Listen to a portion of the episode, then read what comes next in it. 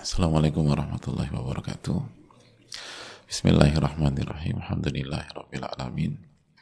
Wa bihi nasta'in ala umuri dunya waddin wa salatu wassalamu ala asyrafil anbiya wal mursalin wa ala alihi wa sahbihi wa man sara ala nahjihi bi ihsanin ila yaumil wa ba'd. Hadirin Allah muliakan, Alhamdulillah kita panjatkan puji dan syukur kita kepada Allah Subhanahu wa taala atas segala nikmat dan karunia yang Allah berikan kepada kita sebagaimana salawat dan salam semoga senantiasa tercurahkan kepada junjungan kita Nabi kita Muhammadin alaihi salatu wassalam. Beserta para keluarga, para sahabat dan orang-orang istiqomah berjalan di bawah naungan sunnah beliau sampai hari kiamat kelak. Allahumma inna nas'aluka ilman nafi'an wa na'udzubika min ilmin la yanfa' uh, hadirin Allah muliakan sebuah kebahagiaan kita bisa kembali bersua pada kesempatan kali ini dalam rangka bertakarrub, dalam rangka beribadah kepada Allah Subhanahu wa taala. Semoga Allah menjaga keikhlasan kita dan semoga Allah menjaga kita dari uh, kesalahan dan menjaga kita untuk selalu berjalan di atas sunnah Rasulullah Sallallahu Alaihi Wasallam dengan segala kelemahan dan kekurangan kita dan semoga Allah mengampuni segala khilaf kita. Amin ya rabbal alamin. Sebagaimana salawat dan salam semoga senantiasa tercurahkan kepada Rasulullah alaihi salatu wassalam beserta para keluarga, para sahabat dan orang-orang yang istiqomah berjalan di bawah naungan sunnah beliau sampai hari kiamat kelak. Hadirin Allah muliakan kembali bersama bab nafkah di penghujung bab ini kita membahas beberapa hal penting yang berkaitan dengan nafkah. Dan pada pagi hari ini kita akan membahas uh, waktu waktu uh, nafkah hadirin. Waktu nafkah. Hadirin Allah muliakan berkaitan dengan waktu nafkah kapan seseorang suami menafkahi istrinya maka itu dijelaskan oleh para ulama kita. Dijelaskan oleh para ulama kita. Kesimpulannya bahwa e, diperbolehkan mempercepat nafkah atau mengakhirkan waktu memberikan nafkah jika semua sepakat semua sepakat dan keterangan ini adalah keterangan empat imam madhab Hanafiyah, Malikiyah, Syafi'iyah, dan Hanabilah bahkan dihikayatkan tidak ada khilaf dalam masalah ini.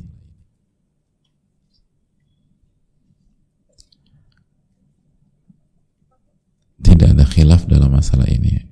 Waktunya dikembalikan ke kesepakatan.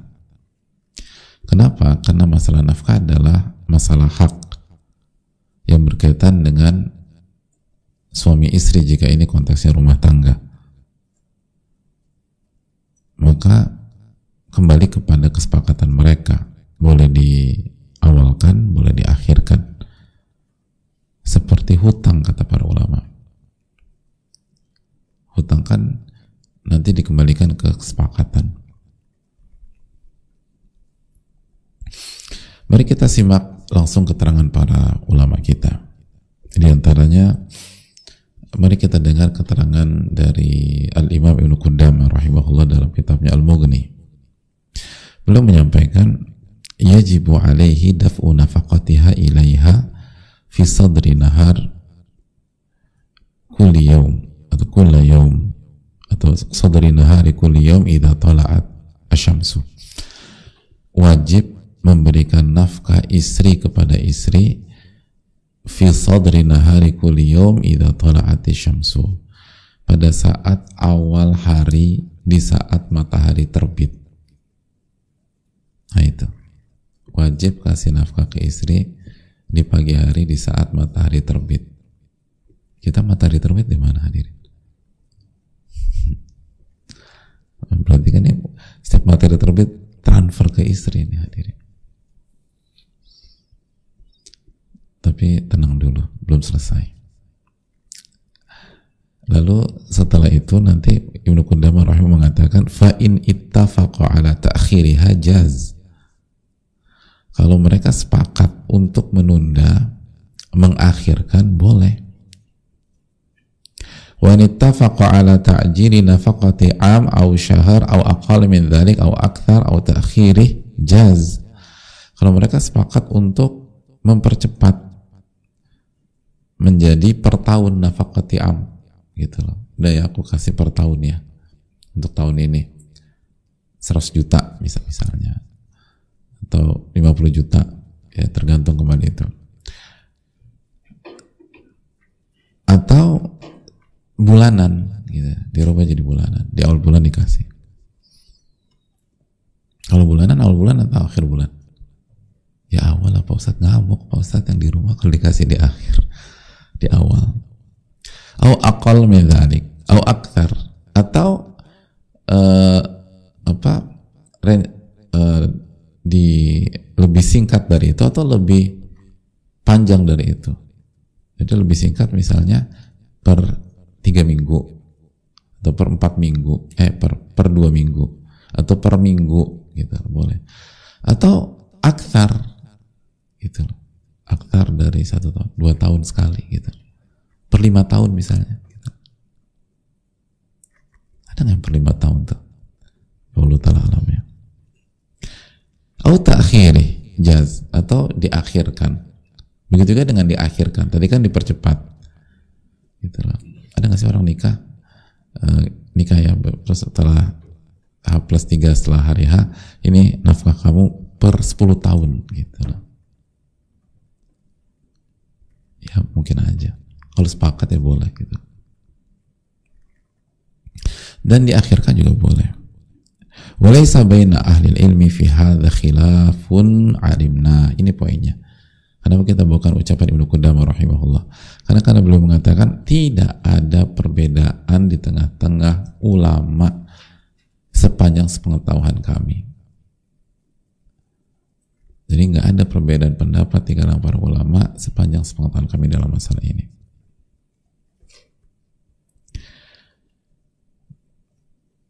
Gitu. Jadi dari sini kita tahu awalnya itu per hari, per pagi, ya kan orang tuh harus beraktivitas di pagi hari. Tapi kalau misalnya di akhir di dipercepat, di, di diakhirkan, terus di jangka waktu tertentu boleh-boleh aja. Pokoknya ini kembali kepada kesepakatan. Ini dikembalikan ke kesepakatan.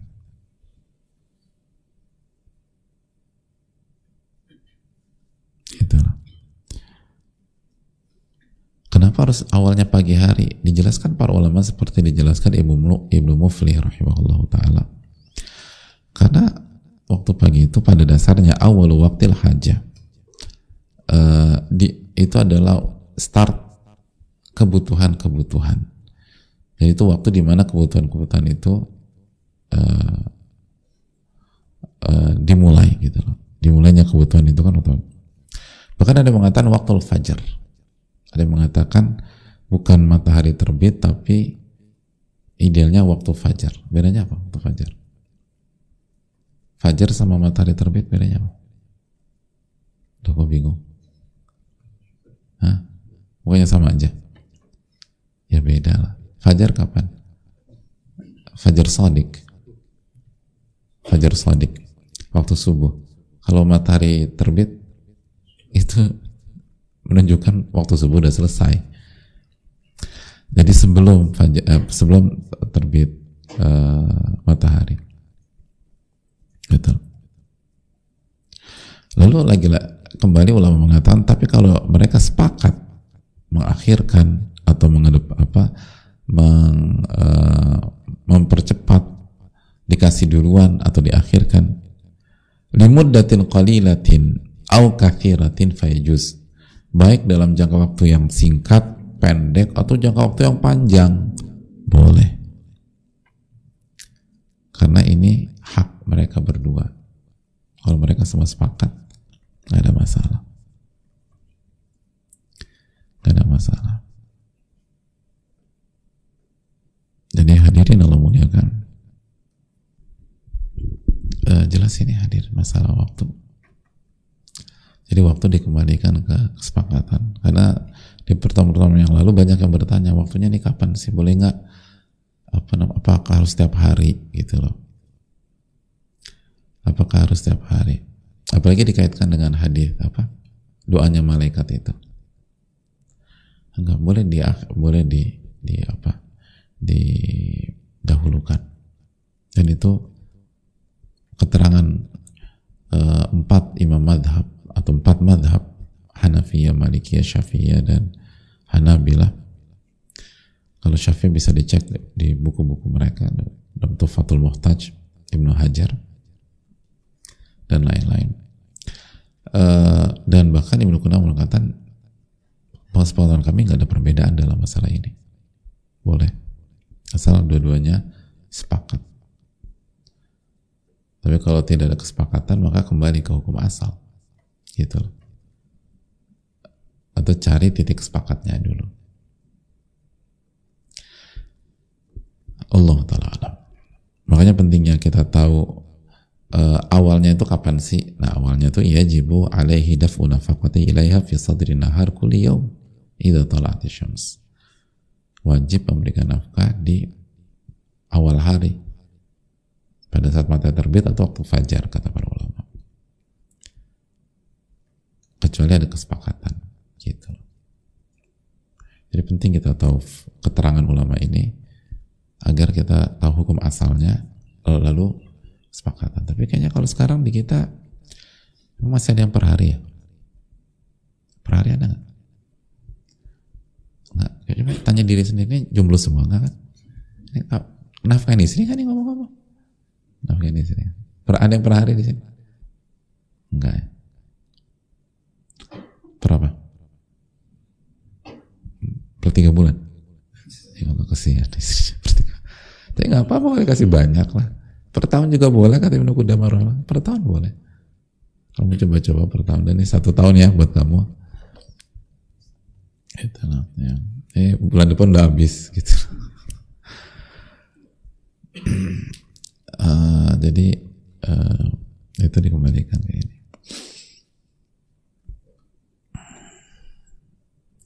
Jelas ini masalah uh, waktu. Lalu kita masuk ke poin berikutnya. Ini juga penting. Ulama mengatakan poin berikutnya ini kita udah pindah dari waktu ya, tapi masih ada kaitannya juga. La tasqutu nafaqatu ma 'ala zawj wa tasiru daynan li zawjati. Wa hadha madhhabul jumhur. Hadirin Allah muliakan. Kalau nafkah itu nggak dikasih. Dan waktunya sudah berlalu.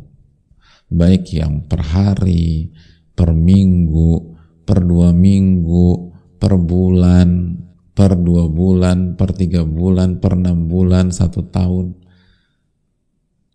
Dengan apa pun lah mungkin ada yang iya aku lupa ngasih ya minggu lalu ya kita misalnya.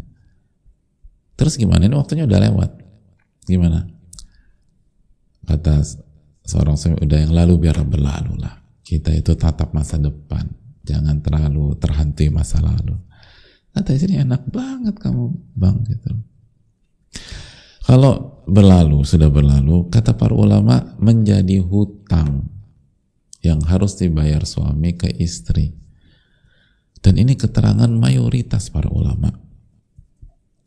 Dari madhab malikiyah syafi'iyah al-hanabilah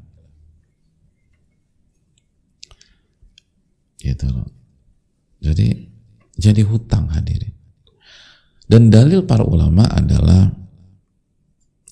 uh, riwayat dari Umar bin Khattab radhiyallahu taala riwayat dari Umar bin Khattab radhiyallahu taala an. Dan riwayat ini uh, dibawakan oleh Imam Ash-Syafi'i juga dalam kitab Al-Um dalam kitab Al-Um. Kata dalam kasus dalam dalam riwayat ini Ibnu Umar itu menyampaikan bahwa Umar bin Khattab radhiyallahu taala kata ila Umar il ajnad fi rijalin ghabu an nisaihim. Umar bin Khattab pernah menulis surat atau memerintahkan eh, pemimpin-pemimpin uh, pasukannya gitu pemimpin batalion atau ini tentang prajurit prajurit-prajurit yang meninggalkan istrinya dalam beberapa waktu.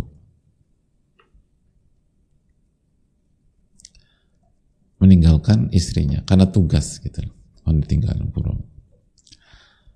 Nah, Umar memerintahkan mereka untuk mengkondisikan prajurit-prajurit tersebut agar mereka memberikan nafkah atau kalau sudah tidak ini uh, ceraikan gitu loh. Jadi tunaikan hak istri mereka kalau enggak ya opsinya di antaranya adalah bercerai. Dan kalau bercerai ba'atu binafaqati mahabasu. Nah, itu. Dan kalau apa namanya pilihannya adalah talak, maka mereka tuh harus mengirim atau memberikan nafkah yang selama ini tidak mereka kasih. Gitu. Udah berapa lama nggak dikasih nafkah? Dua tahun, ah, kirim dua tahun misalnya. Gitu. Kasih dua tahun. Udah berapa kali nggak dikasih nafkah? Setahun misalnya, kirim setahun. Itu misalnya. dan sanad ini di uh, di apa divalidkan oleh Ibnu Kathir dan para ulama Allah taala Gitu. Jadi Umar mengatakan yang apa kasih nafkah ke istri. Kalau nggak kasih, ya udah berpisah aja gitu. Karena kan wanita punya hak, istri punya hak. Kalau memutuskan berpisah atau memutuskan talak nanti arahnya berpisah bukan berarti kosong-kosong. Tapi yang dulu yang sebelum-sebelumnya tidak dikasih naf, eh, tidak dikasih nafkahnya dika, dibayar diganti. Gitu. Ini yang dijadikan dalil oleh para ulama eh, bahwa kalau waktunya sudah lewat misalnya per hari ini kemarin lupa dikasih sama suaminya. Atau mungkin sibuk gitu loh. Kayak misalnya itu zaman Umar e, bertugas jadi mungkin nggak sempat ngasih. Atau safar nggak dulu nggak bisa transfer. Habis itu diganti. Iya ya kemarin aku lupa kasih kamu ya. Ah ini aku tahu. Ini double hari ini. Iya tiga bulan ini aku tuh belum belum ngasih kamu. Kasih. Ini bulan sekarang empat bulan. ya itu hadirin jadi itu jadi jadi dain jadi hutang. Kecuali kalau istrinya memutihkan gitu. Ya namanya kita orang kita, kita ngutangin orang udah nggak usah dibayar deh gitu. Tapi kok masalahnya dia harus bayar kalau dia ngutang sama kita? Jadi kembali ke ke masalah hutang aja. Itu hadirin jadi ini keterangan para ulamanya dan bisa dicek juga dalam Rodatul Talibin karya Imam An-Nawawi rahimahullah tentang masalah tentang masalah uh, hutang ini. Dan ini menunjukkan lihat bagaimana sekali lagi Islam itu menjaga hak wanita, menjaga hak istri, dan Eh, laki-laki sejati itu salah satu kriterianya adalah menjaga hak istrinya, menjaga hak wanita. Dan hak wanita itu tidak hilang dengan berlalunya waktu, enggak. Dihitung.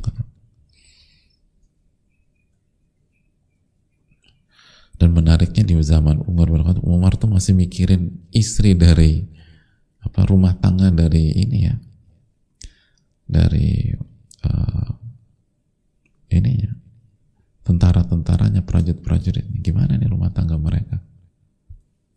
Gimana keluarga mereka? Itu istri mereka dapat nafkah nggak tuh? Radhiyallahu taala Umar bin Khattab radhiyallahu taala dan itulah para eh, nama-nama uh, besar dalam sejarah kita.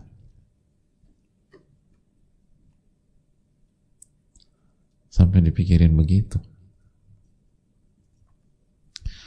kita ini sebagai misalnya kita sebagai pemimpin di sebuah ini kita udah mikirin itu belum?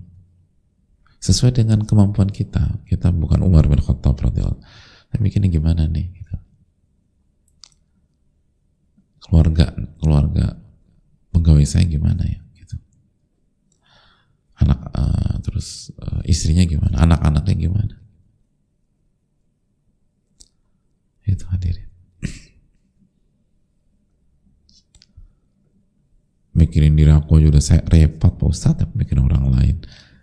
Uh, memang harus mulai dari diri sendiri. Ibda binafsi kata Nabi SAW mulai dari diri anda.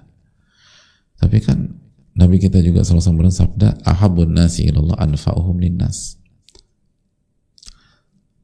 Orang yang paling kalau cinta itu yang paling bermanfaat bagi manusia. Dan dan dari sini menunjukkan bahwa uh, apa pemimpin harus punya kepekaan. Mulai dari skup gitu. Dan perhatian. Karena kalau di kalau berarti kalau di level Umar bin Khattab beliau tuh bukan hanya bukan hanya sebatas perhatian sama keluarganya sama istrinya tapi udah sampai pada dia perhatian sama apa ratusan mungkin ribuan rumah tangga dan keluarga yang dipimpin oleh beliau radhiyallahu taala nah, ini pelajaran besar bagi kita.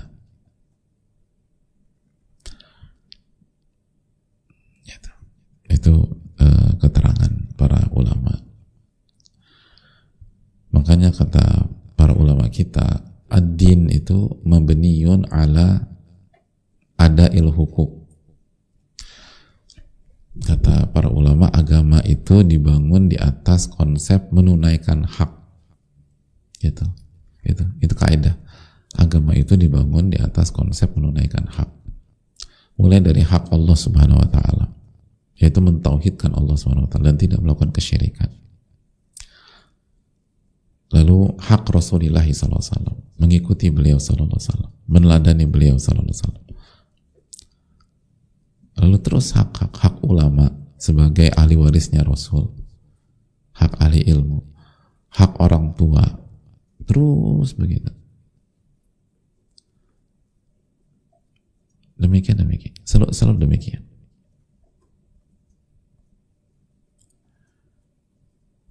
Nah nanti ketika kita punya mental ini, Allah akan kasih hak kita.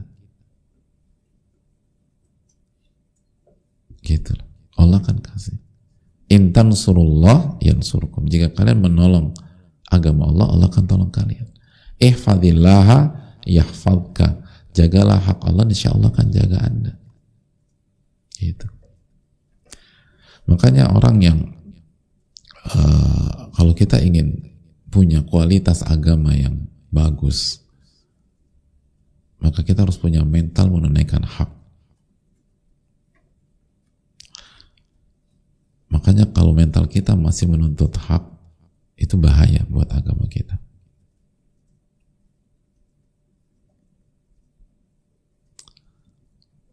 Ini penting. Kalau kita masih mentalnya hanya menuntut hak, nuntut, nuntut, maka agak berat dalam kehidupan. Karena ad-din mabniun ala ada il hukuk. Itu kata para ulama. Agama itu dibangun di atas konsep menunaikan hak. Dan coba deh kalau kita punya konsep ini dan yang dan punya mental ini dan yang berbicara tidak lebih baik daripada mendengarkan.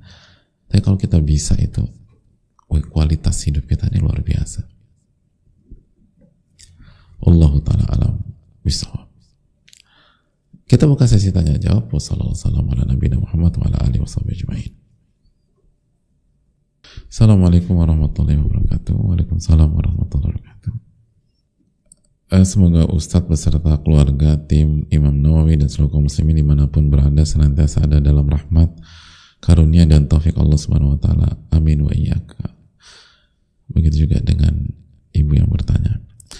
Ustadz ibu ada anak laki-laki sudah berkeluarga dan punya anak satu yang saat ini kodal mau syafa'al anaknya sedang sakit dan memerlukan pengobatan rutin yang cukup lama. Mohon doanya Ustaz.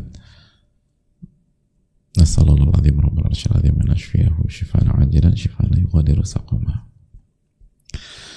Saat ini anak ibu tidak bekerja sudah lama sudah mencoba berjualan tapi selalu gagal. Tidak ada untung malah rugi terus saat ini biaya makan dari, dari harta waris yang sudah terjual dan yang belum terjual disewakan. Saat ini sedang mencoba untuk bekerja dengan memasukkan lamaran tapi belum berhasil. Kadang kalau kebutuhan lebih ibu yang bantu. Anak tersebut sudah lama tidak bekerja dari sebelum COVID. Mohon nasihat Ustaz, jazakallah khairan. ya terima kasih atas pertanyaannya. Uh, yang pertama sebagai ibu kita minta pertolongan kepada Allah dan doakan anak kita doa oh, ibu tuh kuat sekali hadirin. Doa ibu tuh sangat kuat. Dakwatul walid liwaladi doa orang tua untuk kebaikan anaknya itu diijabah kata Nabi SAW jadi doakan anak kita. Terus yang berikutnya kasih semangat. Kasih nasihat positif. Jangan, jangan ditekan tapi kasih semangat